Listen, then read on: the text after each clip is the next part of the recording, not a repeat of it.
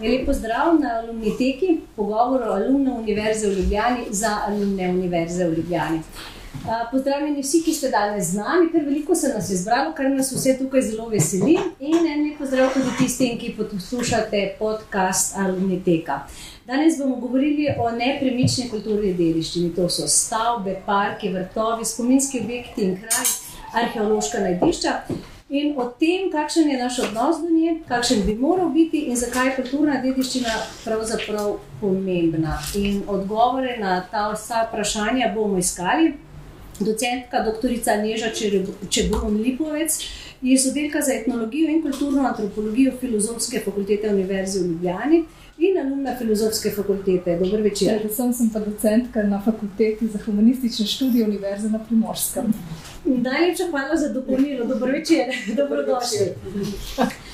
Docentka dr. Renata Novak Klemenčič iz oddelka za umetnostno zgodovino Filozofske fakultete Univerze v Ljubljani in alumna Filozofske fakultete. Drži, dober večer. večer. Docent dr. Miloš Kosec iz Fakultete za arhitekturo Univerze v Ljubljani in alumen Fakultete za arhitekturo. Dober, dober večer. večer. Uh, izredna profesorica dr. Barbara Lampič iz oddelka za geografijo Filozofske fakultete Univerze v Ljubljani in alumna Filozofske fakultete. Ja, dober večer. In še asistent dr. Božidar Fleischmann iz oddelka za zgodovino Filozofske fakultete, sicer pa alumen Pedagoške fakultete. Um, moje, ime je, moje ime pa je Renata Dacinger in sem alumna Fakultete za družbene vede. Zdaj, um, Na začetku vam bi postavila eno tako hitro vprašanje za vse enako. Kateri je vaš najljubši objekt, stavba, vrt, karkoli, kar pravzaprav nekako smatramo, imenujemo kulturna dediščina? Pa mogoče gremo, gremo kar po vrsti.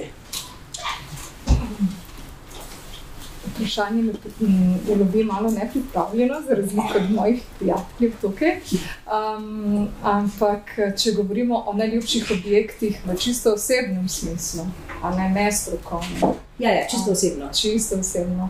Um, mislim, da se bomo tudi večinoma strinjali, da osebno potem nas vedno odpelje nekam v neka obdobja življenja, ko uh, nismo zavestno razmišljali o tem, temveč gremo čisto po občutku. In jaz bi gotovo izbrala planšarijo čisto na dnu Robanovega kota na Sočaskem.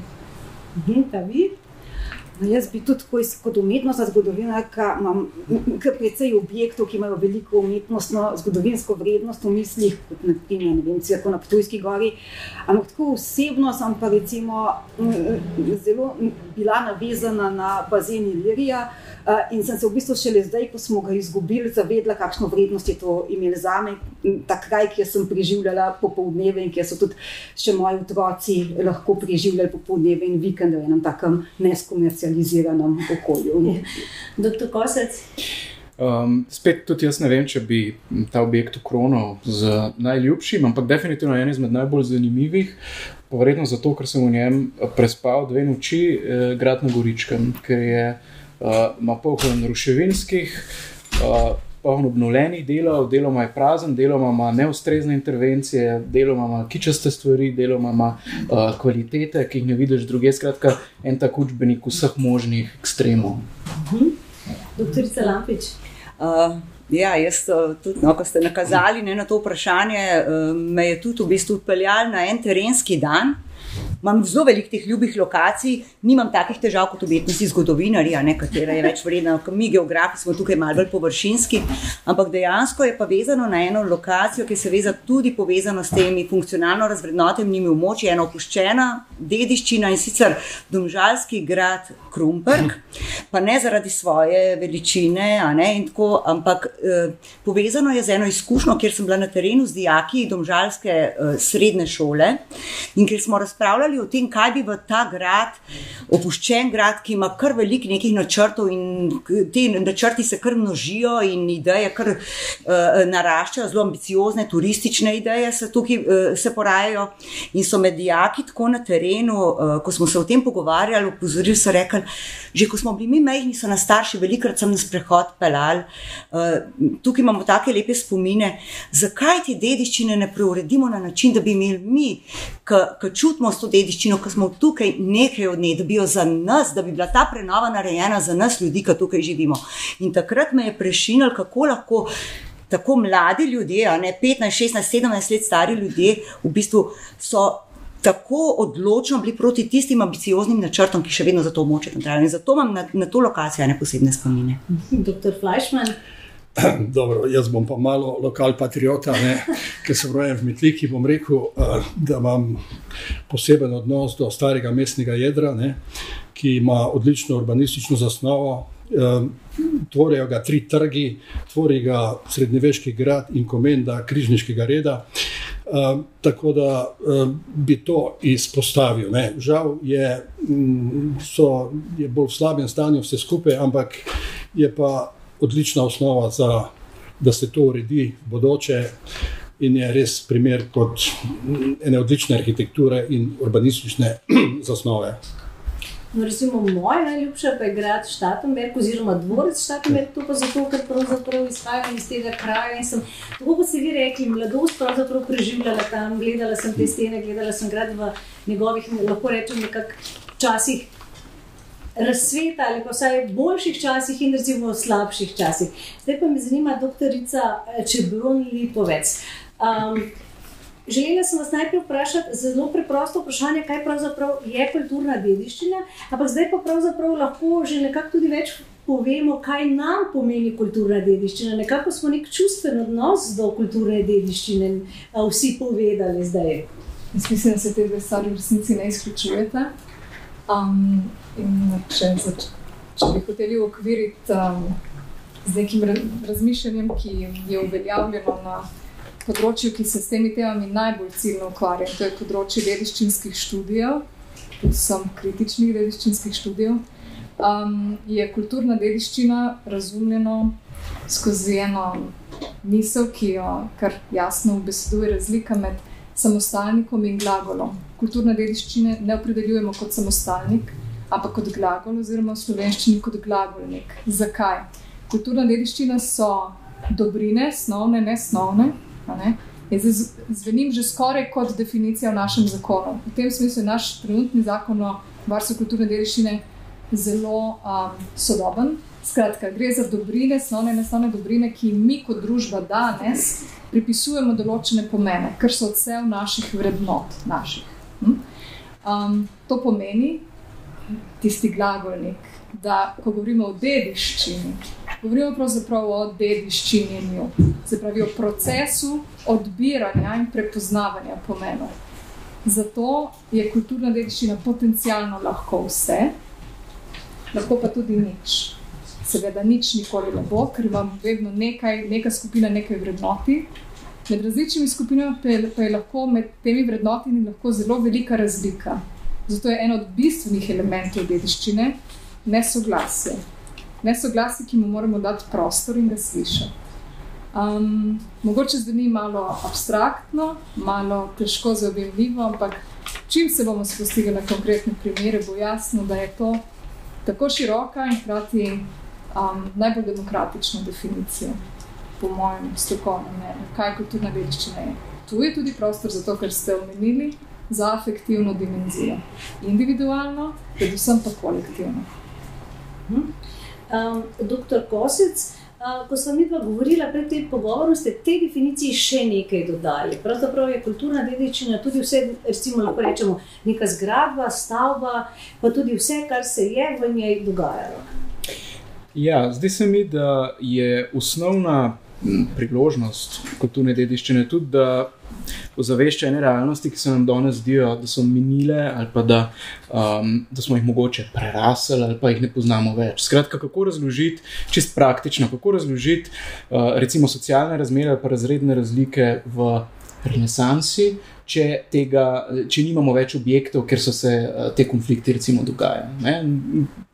Če zelo konkretno ilustriram, uh, obiski gradov pri nas so doskrat, če so animirani, če so upremljeni z nekim ne vem, um, razlagalnim, um, razlagalno infrastrukturo, in doskrat jih obravnavamo, kot da so bile to rezidence pač bogataše tistega časa. Ne? In uh, v tujini se mi zdi, da je bilo veliko enih korakov narejenih v smeri, da je zelo pomembno aktualizirati karakterizira te prostore kot preseke družbe tistega časa. Ne, ne samo recimo, najbogatejših, kot um, upravne sedeže, kot uh, prostore bivanja uh, služinčadi, kot prostore bivanja um, srednjega razreda tistega časa, pisarjev, uradnikov, sodnikov, um, kot prostor kulture. Um, kjer, kjer so v bistvu različni sloji prihajali, hotel, pa ne hotel, stik z mogoče vrhunsko kulturo tistega časa, kot neko um, družbeno-kulturno infrastrukturo podeželja. Ne? Vse take zadeve je zelo težko urisati, če nimamo prostorov, kjer lahko pokažemo na realne uh, sledove vseh teh življenj. Um, imamo tudi bolj nedavne primere, recimo ena fantastična, modernistična uh, stavba v Ljubljani, Severeva garaža, je po mojem, da primer. Brez katerega se jaz skoraj težko predstavljam, kako bi lahko naslednjim generacijam razložili razvoj 20. stoletja v smislu um, uh, recimo avtomobilskega prometa. Uh, pri nas je eno um, obdobje, ko je, bil, ko je avtomobil postajal ključen uh, sestavni del uh, razvoja ene družbe, mobilnosti, um, tudi v luči podnebnih sprememb, kako generacijam prikazati, da je, uh, da je bil avtomobil nosilc razvoja, ne samo prekletstvo, od katerega se moramo danes ločiti. Ne? Ali pa recimo na koncu koncev grad Smure, ki je po mojem fantastičen primer. Um, enega uh, sodobnega muzeja, brez katerega bi lahko razmere nekdaj v soočanju z duševnim zdravjem um, samo urisovali samo skozi akademske članke. Ne? Če bi izgubili prostore z oblazinjenimi sobami, z um, prostore, kjer so. Um, varovanci tega zavoda spali, ker so pustili svoje vtise tudi kot delovnega prostora osebja. Um, vse to so stvari, ki, um, zaradi med drugim, ni edini razlog, ampak eden iz pomembnih razlogov, um, če izgubimo prostore, na katere se vežejo te, um, vse te zgodbe, potem um, bomo počasi začeli izgubljati te zgodbe. Profesorica Lampič na Ministrstvu za kulturo vodijo registr nepremične kulturne dediščine. Zdaj, vi ste pa pravzaprav se ukvarjali z funkcionalno razvrednotenimi območji in tudi tam ste pravzaprav veliko krat srečali kulturno dediščino in pravzaprav nekako naredili še en registr, če lahko tako rečem. Kje ste pravzaprav vi naleteli na to kulturno dediščino? Ja, Eh, zdaj, geografi tukaj ne, nismo v prvih bojnih vrstah, da bomo res razlagali tole kulturno dediščino. Sem pa dejansko smo se pa srečali in dejansko tudi povezali ne, z drugimi strokami eh, preko tega razvrednoten, funkcionalno razvrednotenega prostora. Ne. Glede na to, da se geografija eh, v bistvu usmerja ne, v raziskave procesov v naravnem in družbenem okolju ne, in v bistvu se vsi ti procesi, nekako učinki tega delovanja se odražajo v prostoru. Ne, in v tem kontekstu kontekstu smo tudi v bistvu uh, raziskovali, pregledovali, poskušali razviti metodologijo, kako prepoznati te prazne, izpraznjene prostore, kjer se je v bistvu v preteklosti neka dejavnost odvijala, in potem pa se je zaradi različnih dejavnikov ta dejavnost ugasnila, povsem umaknila ali pa v delu ugasnila. Ne? In uh, To smo dejansko nekako v zadnjih desetih letih, tako metodološko, kot tudi čisto aplikativno, razvili v, neko, eh, v nek prostorski sloj. Sprva je bil ta sloj namenjen Ministrstvu za gospodarski razvoj, ki je iskal ta izpraznjena območja kot območja novih priložnosti, območja novih investicij. Um, Zdaj je ta sloj, v, za, ta, za ta sloj, ki se na tri leta tudi posodablja, nekako v rokah zdaj Ministrstva za naravne vire in prostor, kar je tudi prav, glede na to, da gre za prostorsko bazo, vendar preko teh dogodkov, preko spremljanja procesov na teh območjih, če se tudi poglobimo, zakaj je neko območje postalo izpraznjeno, nefunkcionalno, ne, lahko razberemo v bistvu, kaj se pravzaprav v družbi dogaja. In ko smo pa potem še druge uh, elemente preverjali v teh izpraznjenih prostorih, pa smo seveda ugotovili, uh, da je mnogo krat na teh območjih prisotna tudi neka oblika registrirane kulturne dediščine. Na njo so nas pravzaprav že, ko smo m, mm, na terenu pregledovali ta območja, ko smo s, uh, opravljali razgovore na občini.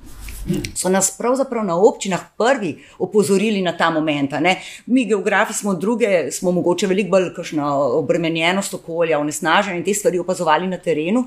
So nas prav na občini opozorili in so rekli, ja, ja, to območje seveda je eh, funkcionalno razvrednoteno, seveda je opuščena dejavnost, vse imamo tukaj gor to težavo, vse imamo gor to dediščino, ta, ta režim varovanja, ki nam onemogoča ne, razvoj, onemogoča razvoj naših idej in pobud. Ne? In takrat smo postali mečkam bolj pozorni na to, uh, smo tudi seveda naredili, glede na to, da je teh razvrednotenih območij v Sloveniji precej preko tisoč, ne govorimo pač o tisočih hektarjih teh razvrednotenih območij, a ne opuščenih, se pravi območjih brez dejavnosti, v katerih mora potekati nek razmislek, kaj s temi območji narediti v tem kontekstu krožnega upravljanja, gospodarjenja s prostorom.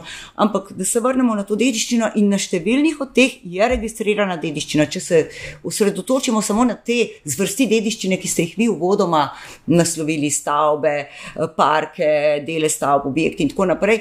Um, Teh je na preko 300 lokacijah, imamo to registrirano dediščino, ki pa je, seveda, uh, ko smo zdaj začeli, seveda, te razmere tukaj gor malo bolj proučevati, smo ugotovili, da jo mogoče lahko gledamo na njo na z dveh plati. Eno je tako, kot sem že omenila, ne, kjer so nas že na občinah opozorili. Glejte, ta dediščina nam, seveda je to razvrednoteno območje dejavnosti, bi se tu razvijali, ampak kaj, ko imamo ta režim varovanja, ki prepoveduje kakršen koli poseg tukaj, ne, in se v bistvu dediščina nastopa kot nek zaviralec cokla v razvoju. Um, druga zgodba, paralelna, ne marsikaj pa je v bistvu. V tem, da so se naše dejavnosti, potrebe človeka tako spremenile, da nam kar naenkrat tisti objekti, ki tam so, niso primerni več za to, kar mi potrebujemo, kar, kar bi v bistvu si neka dejavnost tam dejansko predstavljala, da, da potrebuje, da bo lahko funkcionirala. Da ta, uh, uh, uh, to je dejansko, uh, zato imamo v bistvu na teh razvrednotenih območjih um, to kulturno dediščino. V, Je prisotna v teh dveh vlogah. No? Imamo v Sloveniji dobro evidentirano kulturno dediščino. Uh, ja, kar se tiče nepremične kulturne dediščine, se mi zdi, da, da je ta registr seveda zelo obsežen. Zelo, a ne, uh, uh, uh, bom rekla, tudi kvaliteten, saj tudi je uh, stvar v razvoju in je zelo uporaben, tudi, seveda, omogoča povezljivost z drugimi prostorskimi sloji, uh, mogoče malo drugače, s kakšno premično dediščino, to bodo drugi tudi malo bolj vedeli povedati. Um, ne vem pa, če. Um, so pod, če so vsi podatki, ki jih zbiramo, res tisti, ki bi jih morali zbirati. Mogoče bi morali ma, malo prevetriti to, tudi, kaj je tisto, kar bi morali uh, bolj načrtno spremljati. Ena taka stvar, ki jo sej, uh, načeloma je prisotna, je, je v sistemu, ampak se ne izvaja, ne vem, ne vem ogroženost dediščine, ne, da bi o tem lahko bolj konkretno govorili. No, to, te stvari pa so mogoče še malo pomankljive. Zelo veliko iztočnic ste nam dali. Ampak, če recimo vprašam doktorica Novak Klemenčič, kako pa se odnašamo do kulturne dediščine? To je tudi eno tako vprašanje, o katerem bi pravzaprav lahko govorili na dolgo, pa vas vseeno nekako prosim za kratek odgovor, da potem najdemo odgovore še na vse ostalo, kar se nekako odpira med vašimi odgovori. Ja, Sveda, dediščina je uradno uh, zaščitena pri nas, ne obstajajo konvencije, katerih podpisnica je Slovenija, uh, obstajajo zakoni, ki tem konvencijam sledijo, imamo neke doktrine, priporočila priporočila Svetovne organizacije za ohranjanje dediščine Rikomosa in imamo tudi razmeroma dobro organiziran Zavod za varstvo kulturne dediščine, eh, na katerem je 78 uh, konzervatorjev, večina od njih zelo zauzetih. Uh, problem je, da je ta zavod, um, kot večina naših inštitucij, kadrovsko podhranjen in uh, administrativno preobremenjen. Ker če pomislite, da imamo 30 tisoč enot, več kot 30 tisoč enot kulturne dediščine in 78 konzervatorjev, ki bi morali delati v timih, ki bi, uh, ki, pri, pri katerih pacijenti ne hodijo v ambulanto, ampak je treba hoditi uh, na obiske na domu je jasno, ne, da za vse to ne morejo skrbeti. Zdaj, seveda, zakoni reguliramo običajno neka neželena vedenja, se pravi, tam, ko se pojavljajo neki problemi, jih poskušamo zregulirati zakonja. Ne. Zakonsko, kot vemo tudi iz drugih področji, mi ne moremo preprečati tega neželenega vedenja v celoti. To pomeni, da tudi ne moremo preprečati uničevanja kulturne dediščine. Zdaj, kulturno dediščino v veliki meri in ogrožajo sami upravljalci in investitorji z nekimi velikimi apetiti po povečanju kvadrature, po eni izrabi dediščine v ene profitabilne namene in tako naprej. In edina stvar, ki jo zdaj lahko naredimo, je, da začnemo z neko vzgojo v prid dediščini, se pravi, da se bo vse več ljudi zavedali pomena te dediščine. Jaz mislim, da kar precej takšnih ljudi že je, ampak uh, je pa treba na tem še precej delati.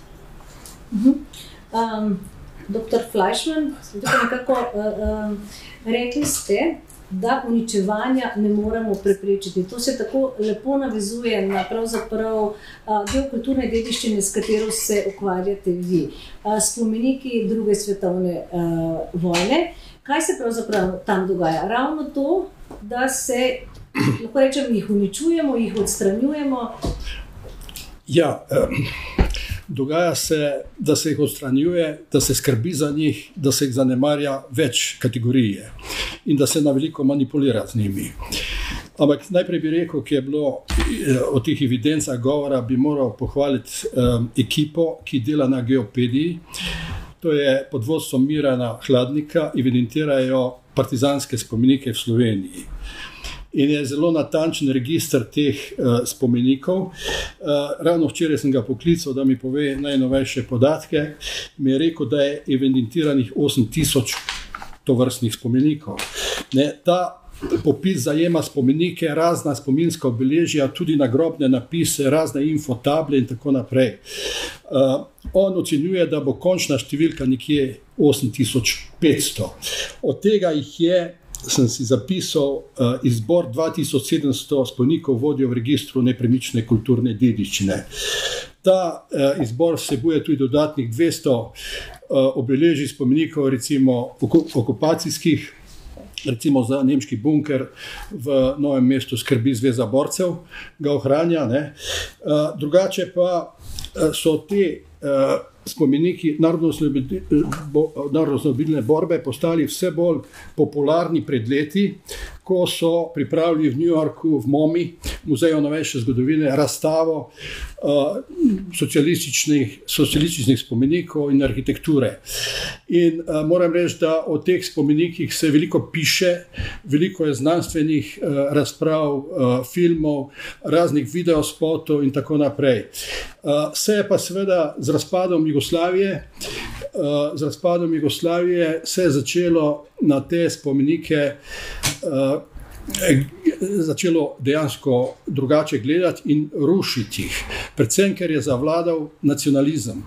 Ti spomeniki, partizanski, so uh, sporočali, uh, ker partizanski boj se je odvijal pod geslom bratstva in enotnost šlo je za neko solidarnost, za uh, vrednote francoske revolucije, svoboda, enakost, bratstvo. Enakost pomeni enakost pred zakonom, bratstvo, solidarnost danes. Ne? In te, te vrednote uh, nekaterim nacionalistom, seveda, niso zadišale več. Zato se je uh, začelo bodi si zanemarjati ali rušiti te spomenike, ali jih pustiti, da propadajo. Največ tega se je rušilo na Hrvaškem preko 3000 po podatkih Zveze borcev. Mi smo ekipa iz središča za javno zgodovino, iz oddelka za zgodovino, tu na filozofski.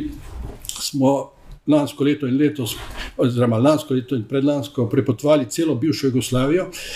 Zdaj imate slučajno, si lahko gledate tudi razstavo na oddelku za zgodovino na hodniku, spodaj v prvem nastropju je moč in nemoč spomenikov. Na YouTubu imate pa celo serijo uh, teh spomenikov, ker smo radili v njih oddaje in tudi film Moč in nemoč spomenikov.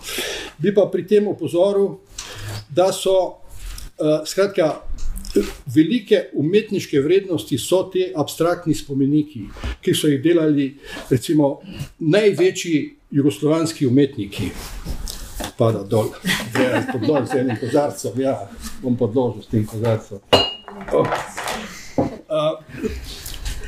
Takrat so delovale tudi razne strokovne komisije, ni bilo to preprosto, da pride do tega spomenika.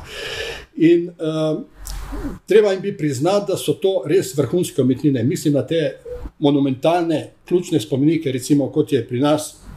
V Ilijski bistrici, Draškošah ali eh, na Hrvaškem Petrova gora, Tjentište, eh, Kozara in tako naprej. Eh, zanimivo mi je pa to, da pri nas, se pravi, te spomeniki niso samo neka, nek pogled v preteklost, lahko so tudi nek navdih za prihodnost. Recimo, če ilustriram skozi Petrovo goro. To je ena abstraktna uh, upodobitev, uh, spominja na neko vesoljsko ladjo, uh, zazrta je v prihodnost, ta spomenik lahko noter greš. Notri so bile uh, dvorane, konferenčne, notri je bilo muzej, notri je bila knjižnica, to je bilo neko živo dogajanje živo dogajanje, razmislek tudi o prihodnosti. Se pravi, te ideje, bom rekel, francoske revolucije oziroma solidarnosti, uh, naj bi eh, ta spomnik, ta objekt spodbujal. E, ampak to, kot pravim nacionalistom, to ni dišalo in zato so to zdaj v zelo slabem stanju, Petra Gora razsuta. Ne? Slovenija je bilo nekje 5% uničenega. Ne? Sloveniji se uničuje na bolj prefinjen način.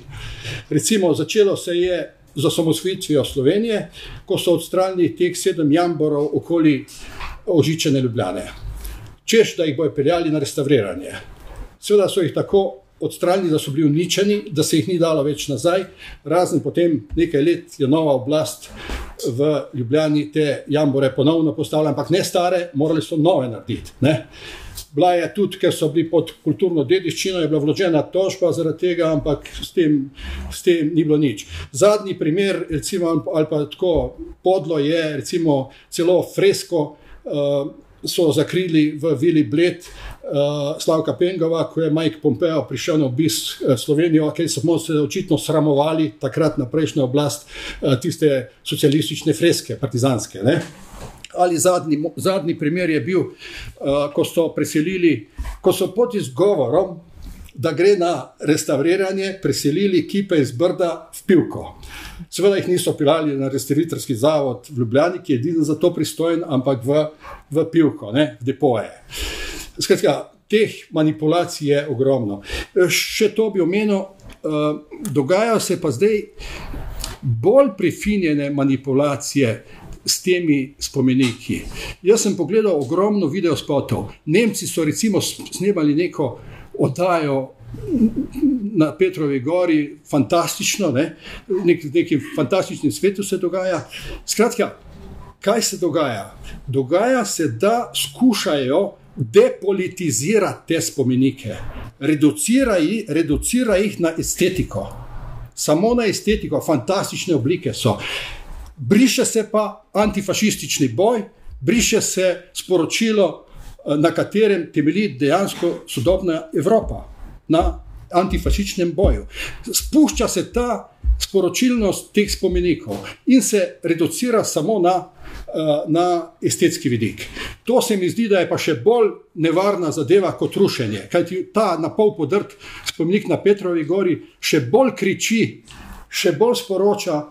Uh, svojo idejo, kot pa zdaj, ko jo skušajo to idejo, to idejo ki jo sporočajo ti spolniki, uničiti s tem, da jih reducirajo na uh, estetiko. Mhm. Rekli ste, da, da so vsi ti spomeniki, da je preteklost navdih za prihodnost. To velja za spomenike, ampak to pravzaprav velja za celotno kulturno dediščino. Ja. In uh, doktorica Nova Klemenček, tudi v preteklosti se uh, so se določene stavbe ali karkoli pač danes imenujemo kulturna dediščina, mogoče porušila, poškodovala, pa vendar so to že obnavljali. Ne? Tudi iz tega se lahko nekaj naučimo in nekaj takih primerov je pravzaprav tudi v naši bližini uh, poznanih. Um, ja, res je. Uh, včasih so pač to dediščino, premično, nepremično obnavljali ali zaradi nekega simbolnega, duhovnega pomena, ali pa tudi iz čist praktičnih razlogov. Zdaj, recimo, en primer ene take, enega takega duhovnega pomena, recimo križani iz Koprske crkve svetega Basa, ki ga mogoče poznate, ki so ga enostavno, ko ni več ustrezal nekim teološkim idejam, uh, spremenili in popravili iz smagovitega Kristusa, naredili trpečega. Niso ga vrgli stran, niso naredili novega Kristusa, ampak so starega popravili, zato je za njih še vedno bil zagotovil češčen objekt.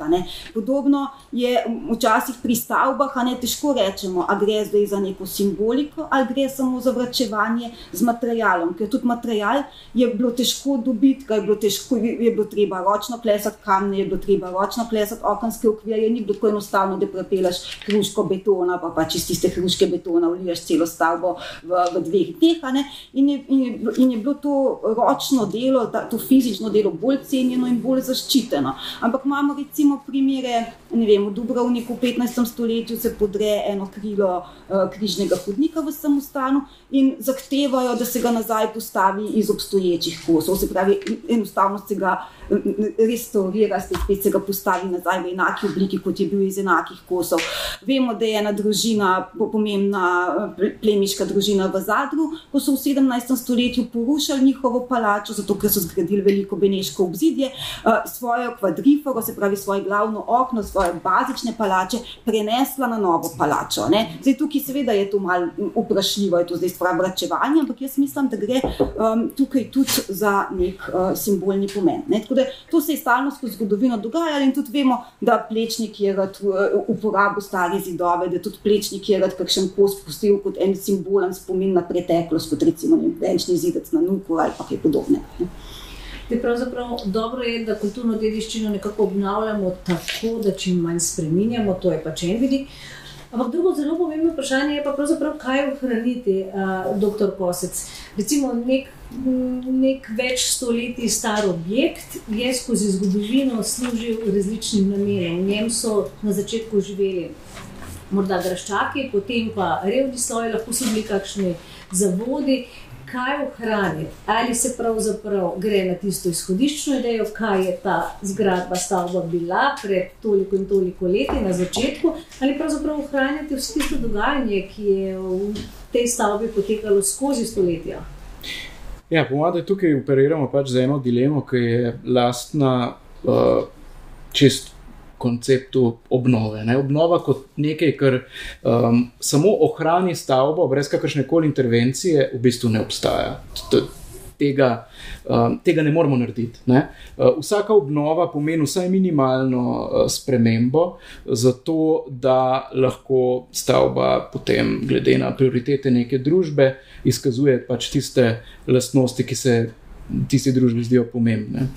In tukaj, po mojem, da treba poudariti, da če je seveda v Sloveniji zelo veliko primerov kulturne dediščine, ki žalostno propadajo, bodi si počas, ne, eh, zato ker jih um, nihče ne uporablja, ali pa niso razrešene lastninska razmerja, ne, ali pa hiter, zato ker njihov lastnik um, doseže, da jih slučajno um, recimo uh, doseže požar ali pa kakšna taka prikladna um, Nezgoda. nesreča, nezgoda. Ja.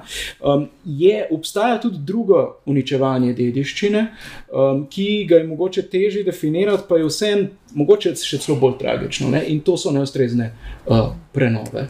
Um, prenove, ki so uh, preagresivne ali pa ki ne upoštevajo kompleksnosti življenja nekega spomenika. In tukaj pridemo na vprašanje slojevitosti ne? um, tega spomenika, ki nikoli ni samo estetski objekt, ima tudi neko zgodovinsko vrednost, ima um, neko družbeno vrednost, ima tudi druge vrednosti. In um, to je vedno, po mojem, da je bilo zelo škodljivo oblikovati pač eno drugačno doktrino. Ne? Vedno gre za en proces pogajanja med različnimi strokami, med um, lokalnim prebivalstvom, med v bistvu en um, um, identifikacijo, kako potem ta uh, tak, um, tako območje ali pa objekt uh, prenoviti. In um, ena doktrina, ki je pri nas, po mojem, da še še vedno zakorenjena, je um, kljub vsem tem stvarem, o katerih se pogovarjamo, ustrajanje na vrnitvi v prvotno stanje ali pa izvorno stanje. Ne? Kaj je izvorno stanje? Ko začnemo kopati, pa recimo iz gradu Cmurek, ne, ki, ki, ki sem ga že prej omenil, najprej vržemo sledi um, recimo muzeja Norosti, ki dela tako fantastično delo tam zadnjo desetletje, pa potem pomečemo um, slojem zavoda, ki je tam stanoval 70 let, potem seveda očistimo ta grad dodatkov 20. in 19. stoletja, ker se za njim skriva renesančni sloj. Ne? Potem ugotovimo, da renesančni sloj v bistvu zakriva romansko, izjemno kvalitetno, pa zelo redko um, pričevalnost tega posvetnega objekta iz 13. stoletja. Uh, mogoče potem najdemo pri teh posegih arheološke sledi predromanske dobe, ki so seveda uvera, mislim, ki jih romanika zakriva. Um, skratka, kje se ostavimo? Ne? Lahko razvijemo pač celo Slovenijo in pridemo potem do pustinje. Po mojem, da je to ključen izziv. Um, Uspešnega ohranjanja dediščine, seveda, mora biti neka celovitost um, enega objekta prikazana, ampak ne pozabimo, to so bili pragmatični objekti na nek način, ne, ker je bilo že omenjeno, tudi najbogatejše družine so redko porušile vse in začele iz nič, ampak so pač počasi. Um, obnavljale, prenavljale, spremenjale, živele v prostorih, kakršne so bile. In tudi um, mi moramo, po mojem, da pogled na prenovo spremeniti iz enega hitrega gradbenega posega v en, po možnosti, nikoli dokončan proces pogajanja in vzdrževanja. In to je pa en tak ključen paradigmatski, po mojem, da uh, premik, na katerem moramo še veliko narediti. Štirje izmed petih um, smo uh, tukaj, zato v mizi v bistvu del enega raziskovalnega interdisciplinarnega projekta Hey Transform, um, ki, kjer poskušamo nekaj podobnega. Um, artikulirati za slovenske razmere. Kaj ste pravzaprav mislili s tem, da bi to moral biti nikoli končan proces? Um, Predvsem mislim, da ko govorimo o prenovi, razmišljamo o um, betonaži novih um, armirano-betonskih plat, ki bodo držale stavbo um, tako, da je potres ne bo um, uničil. Ne? In pri tem pozabljamo, da govorimo o stavbi, ki je preživela že kar lepo število potresov, da mogoče bi morali vzpostaviti pač drugačne standarde za uh, tako hišo, kot pa za um, hišo, ki jo danes gradimo. Um, da je seveda dopustno razmišljati o objektu kulturne dediščine, da lahko prenese drugačen način uporabe kot um, novogradna. Ne? Da je mogoče tudi to bolj gospodarno, mogoče celo bolj ekonomsko prepričljivo, um, da se vprašamo, ali je treba napolniti vso kvadraturo te hiše z. Um, programom, ki je 365 dni na leto, 24 ur na dan um, v pogonu, ne, ki ga je treba ogrevati, in tako naprej.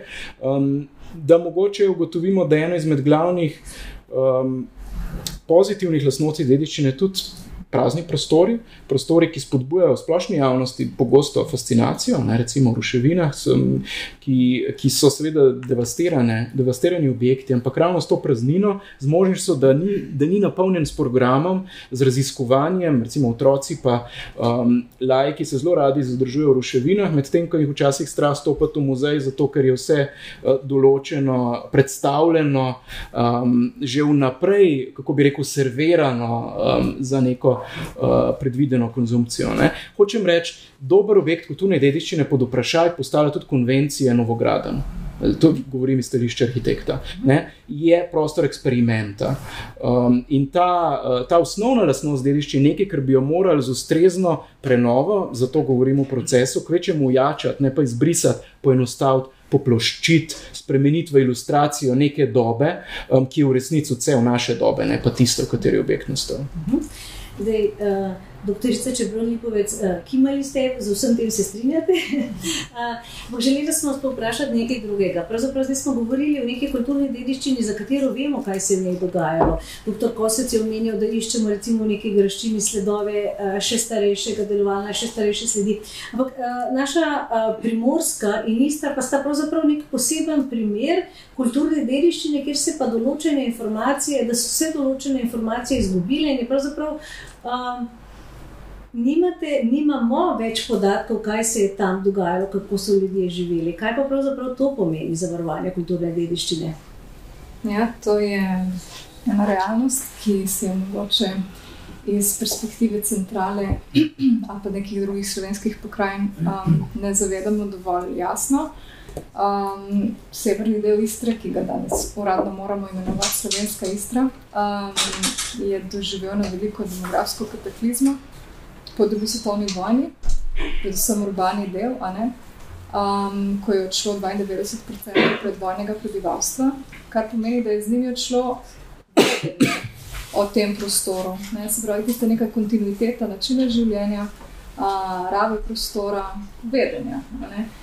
Um, posledično je um, ta prostor so, oziroma smo se potem naselili um, prišleki iz drugih koncev Slovenije in drugih, in drugih republik.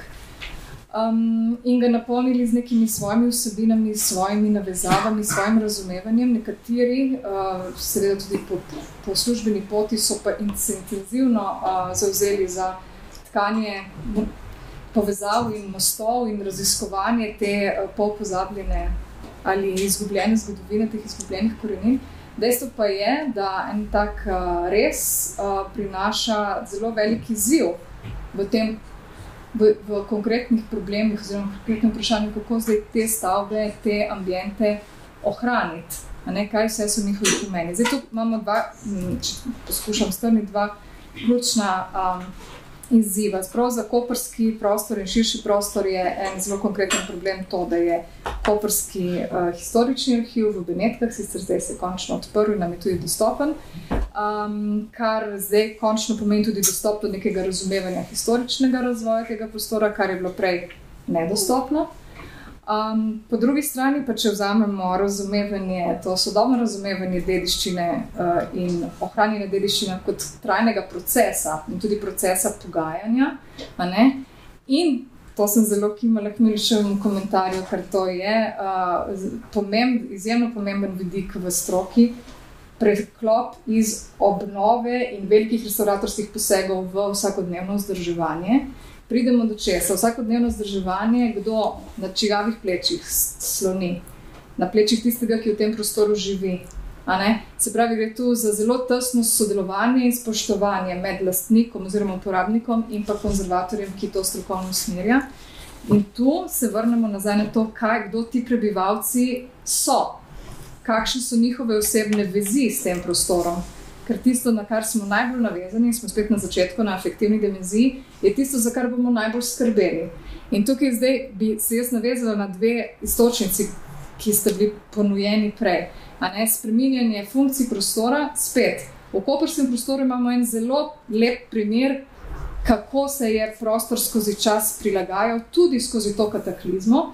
In to je objekt največji po površini, če se ne motim, v historičnem mestnem jedru Kopra, ki je zabeležen v registru kot srpski samostan, v kolektivnem spominu celotnega prebivalstva slovenske, oziroma severne Istre in širše regije, pa je to porodnišnica. Objekt je žal stagniral, čakal prenovo od nekaj čez leto 2000, zdaj se je končno začela prenova. Um, ampak, kot kažejo te prenovi, ta prenova se je zgodila na račun izbrisa ravno te plasti, ki je glavna povezovalna plast sedanjim prebivalstvom. Spravi, porodnišnice več tam noter nimamo. Imamo pa izvrsten pozno-srednjeveški, pozno-gotski in renesančni ambient, pod njim pa uh, visoko-srednjeveške najdene uh, najdbe in pa, um, in pa um, pač arheologijo rimske dobe. Ampak bi, bi poudarila to slovitost in plastenje, in vendarle poudarek na tistih plasteh, s katerimi se lahko trenutno odgovorni uporabniki in kasneje vzdrževalci identificirajo. Ta moment ni, uh, je ključen. Je ključen tudi v zaveščevanju in tudi v prepoznavnosti in reputaciji same, same službe, ki je zadolžena za ohranjanje kulturne dediščine. In v istem duhu gre potem uh, m, reakcija na, na spomenike NOB, Mi smo se na obali dosti ukvarjali z registriranjem um, in preverjanjem tudi odnosa do teh spomenikov, kjer je navezanost zelo, zelo močna. Tu je um, te degradacije ne srečujemo. Ampak kaj se spet kaže? Kdo je glavni nosilec ohranjanja spomenikov NOB? Ja, lokalne skupnosti, zato ker so to njihovi spomeniki njihovih osebnih zgodovin, kot vasi, kot naselja. In tu jaz vidim ključ za ohranjanje dediščine v prihodnosti. In to je dvojna sinergija, sinergija med disciplinami in to je nekaj, kar mi skozi naš projekt res poskušamo zgraditi, ampak tudi sinergija med različnimi deležniki, izhajajoč iz tistih, ki so vsakodnevni uporabniki tega prostora. Seveda so nekje neozaveščeni, neizobraženi, jih moramo vzgojiti, tukaj se mi dve z Renato vedno tako malo Ja, okej. strinjava. Jaz sem zelo rezervirana do te hierarhične pozicije, bom jaz vzgajala druge. hm. Um, lahko predam nekaj svojega mnenja in odprem prostor dialoga. A ne, me dediščina je v mnogih strokovnih krogih razumljena kot platforma soočanja, ravno teh različnih pomenov in prostor, ki lahko tem nesoglasjem damo mesto, jih slišimo in jih vzamemo kot orodje pogajanja. Kaj je meni pomembno, zakaj, kaj je tebi, zakaj, med strokami in med različnimi deležniki. Dokler do tega nivoja demokratičnega, horizontalnega pogovora ne bomo prišli, podprto, seveda, s temeljnim strokovnim znanjem, um, mislim, da bo, smo, smo pred težko nalogo. Tako.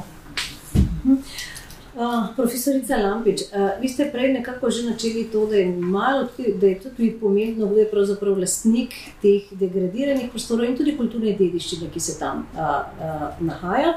In nekako ste rekli, da, je, uh, da se veliko krat pravzaprav kulturna dediščina ne razume kot, uh, kot um, kot nekaj, kar bi lahko bilo koristno, ampak kot neka zavora, kot neki zadržek, pravzaprav kot, kot nekaj, kar nikomur ni prav, da je tam.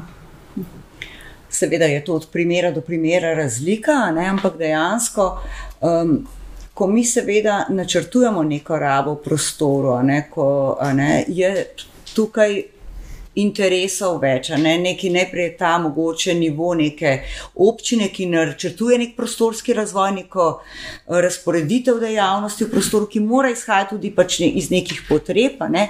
potem pa pridemo seveda na raven tega lastnika, ne, ki pa ima seveda tudi neko svojo vizijo. In zdaj te kaj se pač kaže, ne, ravno prek teh razvrednotenih območij, to so taki mali laboratoriji, taki učni poligoni, ne, kjer lahko bolj izrazito te procese eh, vidimo, so bolj razgaljeni, rekla. Eh, In tukaj se pokaže, ne, da neko eh, eh, lastnik ne, nekega območja, nekega objekta se počuti absolutno uh, glaven akter in odločevalec. Ne. Tukaj stopimo stran od tega, kar je Neža omenila, ne, kako je tukaj treba uh, s, uh, seveda usklajevati interese med deležniki in tako naprej. Pri nas je dejansko to lastništvo. Ne, um, Kriterij številka ena, ko smo se na občini pogovarjali, joj, vi imate tukaj ne, na tem območju razvrednotenem to pa to dediščino. Ne. Na občini so za vse mogoče lokacije so imeli ideje, kaj bi so rekli, veste kaj, tukaj pa ni v naši lasti, to pa ni, nimamo pojma, kaj bi s tem. Ne. Tukaj je pa, to je pa zasebna last, to je pa tisti, ponavadi v tem zadnji nek močan ne. tukaj pa je, to pa nimamo sploh besede. Ne. In smo kar naenkrat samo zaradi enega enostavnega razloga, zaradi lastnika, močnega, veliko krat nekega tujega lastnika, kar naenkrat so vsi pogajalci stopili korak nazaj. Mogoče še ena stvar je zanimiva. Ne? Ko ti gledaš eno območje ne, in ko vidiš, da se v, v petih letih, da so se zamenjali štirje lastniki, že čutiš, da je tukaj zadaj neka manipulativna zgodba, da so tukaj eni interesi zadaj, ki, ve, ki ne bodo upoštevali ne lokalne skupnosti, ne lokalnega prebivalstva, ne, ampak ne, se je to lastništvo že toliko krat tako hitro zamenjalo, da bo tukaj prišel en impuls, en pritisk od zunaj. Teh primerov imamo cel kup, a ne. Um, tako, rekla, ni vedno nujno, da je ta lastnik zunanji, a ne nek zasebni, lahko je tudi občina, ampak mogoče so zanimivi te, te, te primeri, ne vem, pri kakšnih takih prepoznanih objektih, ne vem, dvorec podvin ali pa da gremo tle blizu Ljubljane, ne, ki ga imamo vsi na očeh, ki greste na sprehod čez Tivoli, ne vem, naprimer uh, um, uh, hotel Belvija, ne, ki ga vidite tukaj le gora, ne, tukaj imamo. Lastništvo se je velikrat zamenjalo v zadnjih letih, zdaj imamo tukaj um, enega zasebnega lastnika, zelo poznanga. Ne. V vseh teh lokacijah, malo bolj eminentnih, imamo vedno načrt razvoj turizma, ne. tukaj pa, pa ga bomo zdaj. Ampak ta razvoj turizma eh, nima v mislih, eh, ne, ne lokacije same, ne dediščine same, ampak predvsem turistični razvoj, ki bo prinašal nek dobiček. In na vseh teh, ne vem, gradu Podvin, hotelu Belvi, grad Hrib, ki je bil v medijih objavljen, uh, tle gor uh, v, pre, v občini Predvor, ki je bil dva, dva tedna nazaj v medijih objavljen, povsod je. Uh, uh, Načrt, seveda, prenova za turizem, ampak ta dediščinski element, ki je tukaj zdaj močen, dominanten, mislim, pomemben, se izgubi v načrtovani prenovi, ker se tukaj načrtuje neka res. Uh, Ponavadi velik, nov objekt, obsežen, predimenzioniran in bo skril, prekril tisto dediščino, ki je tukaj, in razvoj pravzaprav tukaj sploh ne bo več temeljil na tem objektu, ki je tukaj, bo tudi sporočilnost tega objekta se izgubila. No? Tako, zato je to lasništvo tako pomembno, lahko pa stopimo še na drugo stran. Ne, vse mogoče me bo kakšna, bi kakšen občinar grdo gledal, ampak um, veliko krat si občine zelo prizadevajo, za, za, v zadnjih letih zasledujemo interes občine, ne, da prevzamejo lastništvo na teh, eh, na teh območjih, zato ker so one tiste, ki imajo dostop do nekih evropskih sredstev, do teh finančnih mehanizmov, ki bodo pripeljala sredstva. Vemo, da za prenovo takih uh, območij so pomembna velika, ki bodo pripeljala ta sredstva za prenovo, ne. vendar tukaj se pa zgodi potem en drug moment, da občina uspe pripeljati sredstev, ni pa potem tiste dolgoročne vizije, tistega procesnega pristopa k tej prenovi, in spet lahko um, pri, naletimo ne, na neko težavo in ne izpeljemo stvari tako, kot bi jo morali. Ja, zdaj imamo pravzaprav vprašanje za vas tri. Kaj pa umestiti v neke take objekte, ki jih lahko rečemo z nekim procesom obnavljamo, jih morda vzdržujemo, v kaj pa umestiti v te objekte? Rekli ste, ni potrebno 365 dni na leto v teh objektih imeti neko dejavnost. Pa vendar, kaj je tista prava dejavnost, ki sodi v ta kraj? Ne, prave dejavnosti ni, jaz sem zakrtlen. Ne, mislim, mogoče, mm. ja, no. mislim je, to je res kaj specifik. Mislim, to je treba od primera do primera, glede na to, kakš, kaj, kakšen objekt eh, imamo pred sabo, v kakšen, kakšno okolje fizično umeščeno in kakšno družbeno in ekonomsko. Ne. Tako da ne gre to, da bi za njih dali kakšne koli recepture, ampak zato, da se na en smi, smiselen in usklajen način pride do skupne rešitve, ne? da ne gre za neke top-down ali pa vnaprejšnje odločitve, ki niso niti premišljene, predvsem pa niso ovrednotene. Mi se zdaj dosti s tem ponderiranjem ukvarjamo in tako naprej. Um, No, jaz bi mogoče samo povedala, da je fino, če najdemo tem objektom neko, mm, mogoče, ne, neko funkcijo, ki ima neko družbeno vrednost, pravi, neko funkcijo, ki bo predvsem čim bolj trajna. Ne? Mi ne želimo, da se zdaj lastniki vsake dve leti zamenjajo in vsak, pri vsaki menjavi se ponovno posega v to dediščino. Recimo enega umetnostno-zgodovinskega stališča, eh, če gledamo samo neko materialne ustaline tega objekta, bi bilo najbolj fino, če je to muzealizirano kot en muzejski objekt je prazno, lepo je pač konzervirano in si lahko to takšno zadevo v nekem uh, stanju zamrznjenem ogledamo. Ne? Ampak to pač ne mogoče, mi ne moramo imeti muzeja, hiš, vse pa vsot in seveda tudi zgubljamo vse te elemente, kako se ti prostori uporabljajo. Ni, tukaj pa se potem zreduciramo na neke materialne ustaline, neke stavbe. Zdaj pa seveda je od funkcije odvisno, koliko bomo mi morali posegati v ta objekt, kaj bomo mi morali z njim narediti,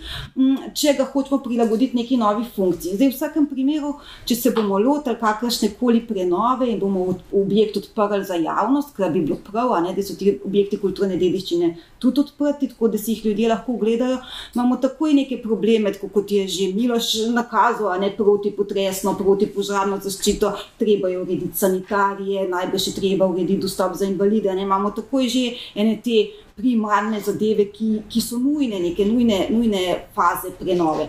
Potem so pa neke druge, ki so pa bolj povezane s funkcijo. Zdaj, če mi damo neko, ne vem, recimo v nek objekt dom za ustarele, vemo, da rabimo potem večja dvigala, ker bomo morali bolniške postelje voziti, vemo, da rabimo več sanitarij, da rabimo večje sanitarije, da rabimo sodobno kuhinjo, da rabimo pač neke, neke prostore, ki jih ni mogoče umestiti v vsak objekt. Tako da jaz mislim, da je ena zelo pomembna stvar v tej fazi, ko se lotimo prenove, prenove enega zapuščenega, zdaj govorimo o nekih opuščenih objektih, ne o objektih, ki so še v rabi. O, o, o opuščenih objektih je to, da mu določimo eno pametno funkcijo, kjer bo potrebnih čim manj sprememb, čim manj dozidav, čim manj nekih posegov v to staro materialno strukturo objekta. Ker ta materialna struktura je pa konec koncev tudi pomembna, ker skriva polno podatkov o tem, kako so včasih gradili in nekaj moramo tudi pustiti za zanamce. Mi zdaj sicer lahko analiziramo, samo mogoče bodo čez 50-100 let znali narediti veliko boljše analize o tem, uh, kako, kako so včasih gradili, kdo je gradil, s kakšnimi materiali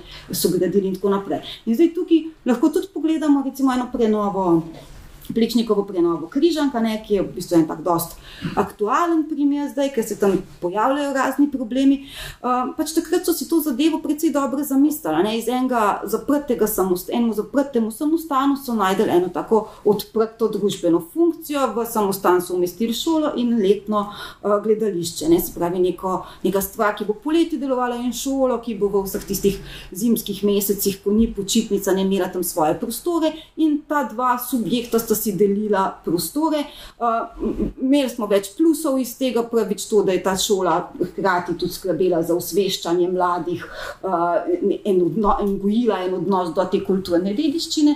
Uh, in pač objekt je bil celo leto naseljen in v uporabi. Ampak, evo, zdaj, če pogledamo, kakšno je današnje stanje, ne, vidite to um, eno, kako bi rekel, eno, eno pogotnost tega, tega festivala, ki, si, ki hoče iz čistih nekih pridobitniških namenov si tukaj prisvojiti več prostora, ki hoče uh, delovati celo leto, ne samo v tistih dveh poletnih mesecih, ki hoče imeti streho nad svojim letnim gledališčem, ki hoče uporabljati še prostore šole in bi najraje seveda šolo izrinil iz teh objektov. Tukaj, tukaj in hkrati pa se s tem seveda dogaja neka gentrifikacija, turistifikacija, ki ne vpliva samo na ta objekt, ampak vpliva tudi na en širši prostor starega mestnega jedra. Ne, ki, in, eh, to sproža cel kup enih problemov.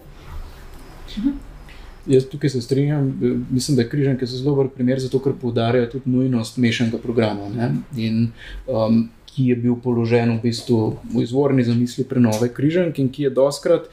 Um, Edini paušalni od, odgovor na, na to, kakšen program bi moral v bistvu naseljevati um, um, območja kulturne dediščine. Um, Čisti stališča, da vse te hiše so doskrat imele že mešan program. Ne? Vedno, po mojem, da nam lahko pomaga, vedno pri revitalizaciji enega objekta, pa enega območja, nam lahko vedno pomaga branje um, njenega prostora in njene zgodovine. In ko se naenkrat izkaže, da to ni bila neka karikirana, recimo, rezidenca feudalne družine ali pa samo garaža, ne, uh, potem, ko začnemo razumeti razvoj, načine različne uporabe različnih ljudi, potem ugotovimo, da je seveda mogoče imeti ene prostore prazne, mogoče imeti štiri sobe, ker se da prespati, brez infrastrukture enega petzvezdičnega hotela. Mogoče je uporabljati to hišo um, samo v poletnih mesecih, ogromen teh, recimo prej sem govoril o gradovih, ogromen teh uh, objektov je bilo v bistvu. Uporabljenih v sezoni in bi se zdelo najbogatejšim družinam tistega časa bizarno, da jih zdaj mi poskušamo konstantno ogrevati ne? in to v vseh prostorih. Um, skratka, znebiti se moramo enega posnetka stanja, enega objekta, praznih sob. Ne snimiti se moramo tega developerskega impulza, da jih pobarvamo, napolnimo, definiramo, upremo z sodobno infrastrukturo, pa poskušati se pač tudi malo njim prilagoditi. Tega ne mislim v smislu zanesenjaškega, romantičnega pogleda na dediščino, ampak kot osnovnega ekonomsko smotrnega. Smotrne uporabe. Ne? Če, nimaš, če ne tlačeš noter um, slabo plačenimi kadri, um, ko bi rekel, podprtega hotela, ki je tako, tako vedno manj donosen na slovenskem podeželju.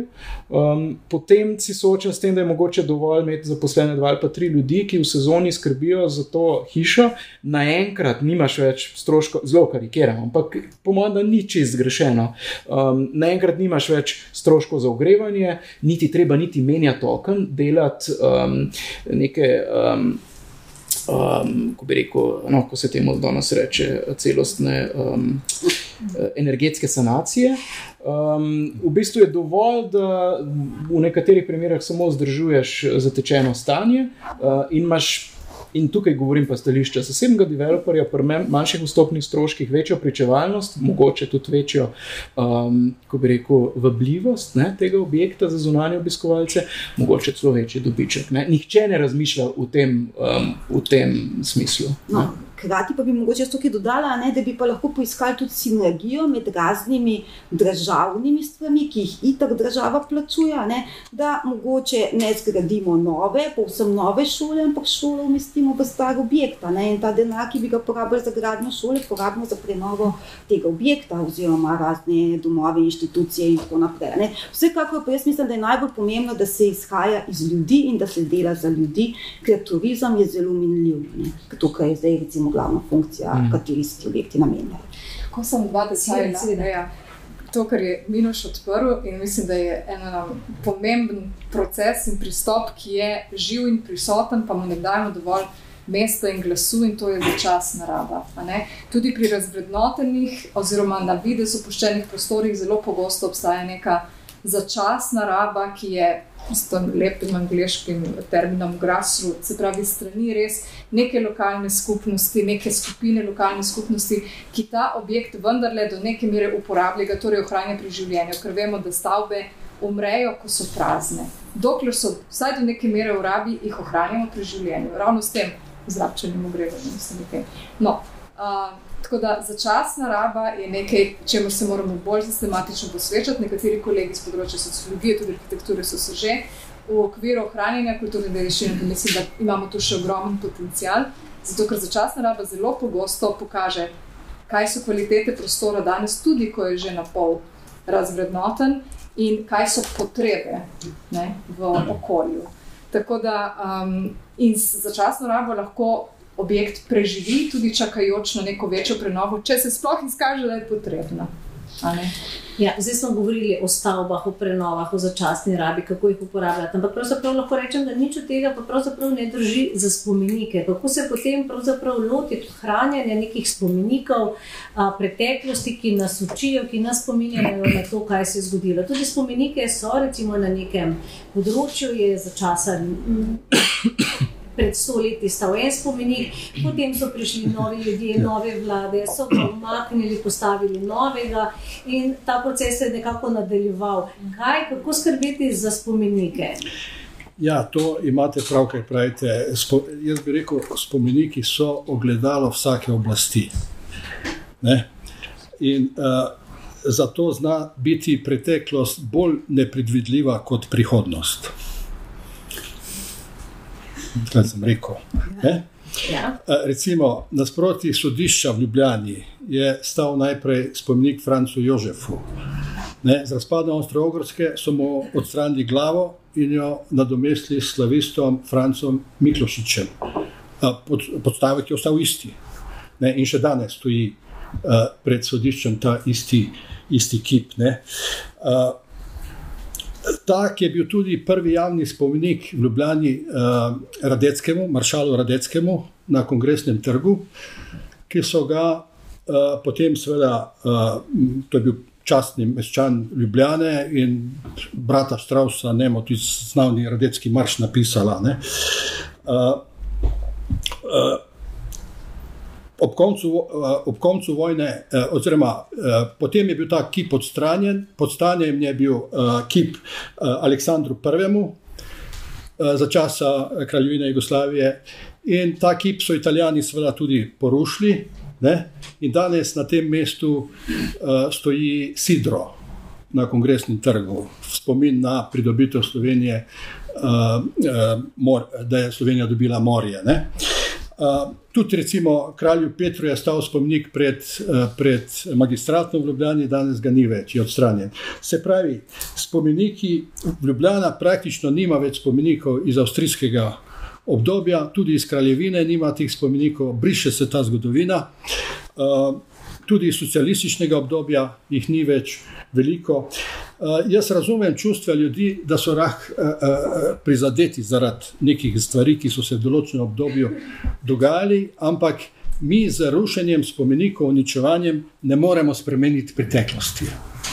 Pa da še ne vem, kaj počnemo. Preteklost, dejstva o spomenikih bodo ostala. Ne, ne bomo jih spremenili, če jih bomo zato mislim, da bi spomenike ne bi smeli uničevati, nikakor ne, uh, ampak ohranjati in prikazati v kontekstu zgodovine.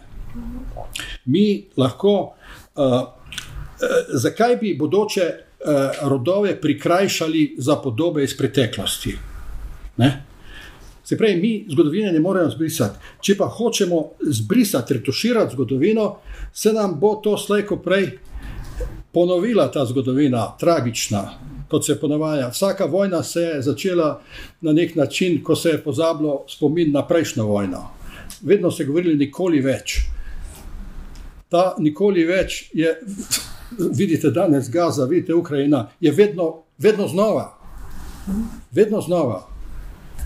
In, in, in tu je ta problem, ta zavest bi mogla priti, zato bi jaz najbolj vesel bil, če bi se eh, spomenik, da bi bil spomenik takšen, da bi v šolah učili eh, zgodovino na podlagi dejstev, na podlagi dokazov, ne pa eh, manipulativno, in da bi iz te zgodovine se nekaj naučili. Ne? Zgodovina pravi, da ja, je slaba učiteljica. Ne, mi smo slabi učenci mi smo slabi učenci, mi se iz tega nič ne naučimo, te grozote, ki se danes dogajajo. Ne? Smo rekli, po koncu druge svetovne vojne bo konec, ne, ne bo. Zato bi rekel, da že George Santayana je leta 1905 napisal, tisti, ki si, ki si niso zmožni zapomniti si preteklosti, so obsojeni na njeno ponavljanje. Se pravi, in del te preteklosti so zagotovo spomeniki, so ta uh, stavbe, arhitektura, ne?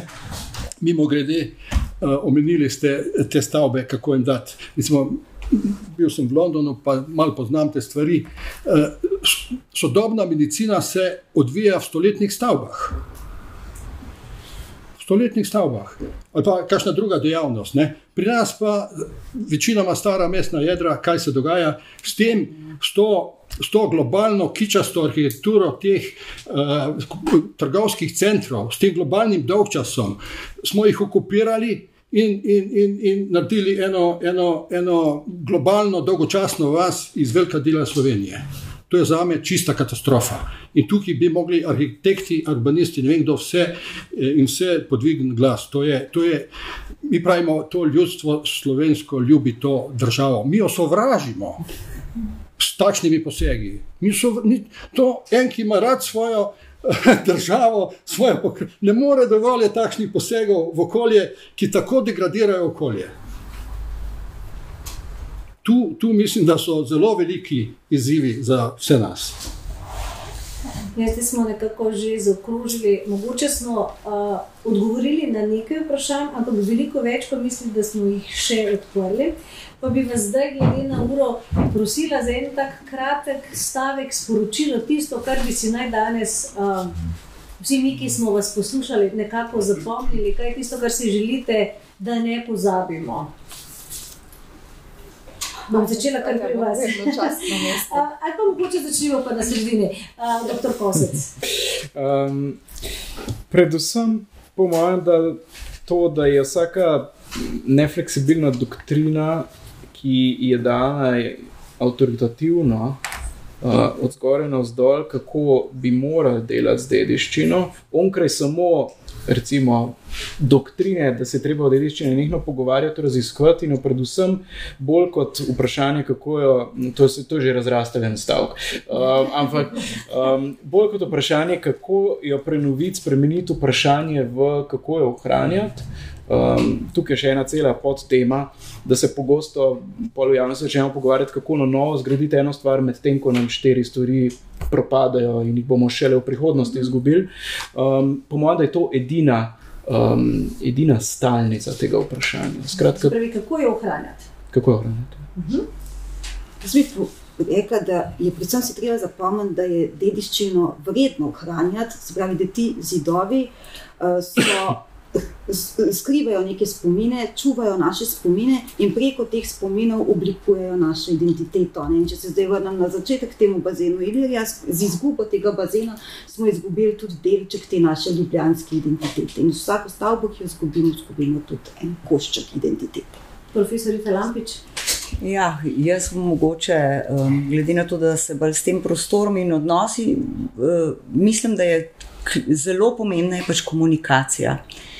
Tako medstrokovna komunikacija ne, in razumevanje drug drugega, ali pa tudi tistih deležnikov, ki so upeti v ta krok odločanja, upravljanja in tako naprej. Uh, uh, tukaj mislim, da zelo šepamo, mogoče že tudi ne, ne, ne mislim samo na področju kulturne dediščine, tudi drugot, ne, medresorska, eh, med različnimi inštitucijami, ta komunikacija, mislim, da smo tukaj zelo, zelo šipki in veliko težav, oziroma naša učinkovitost je zaradi tega bistveno.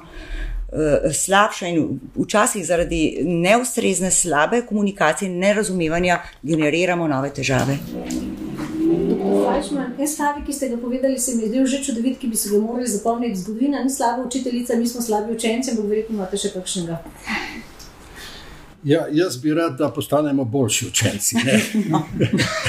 ja, ampak bi ponovil, da če sem že danes govoril o spomenikih, bi ponovil, da spomenike ne smemo uničevati, ne, ampak jih ohranjati in prikazati v kontekstu zgodovine brez zgodovinskega spomina drvimo v nove katastrofe. Mhm. Doktorica, če brojni lipovec. Ena misel stalno kroži po glavi in to je, pa ne najdem lepega slovenskega uh, prevoda, da skratka, preventiva je bolje kot kurativa.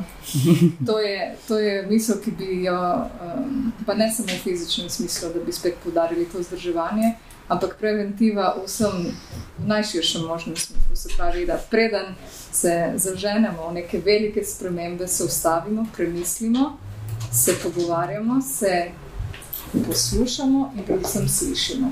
Jaz mislim, da je to ključ sinergiji vseh horizontalnih in vertikalnih.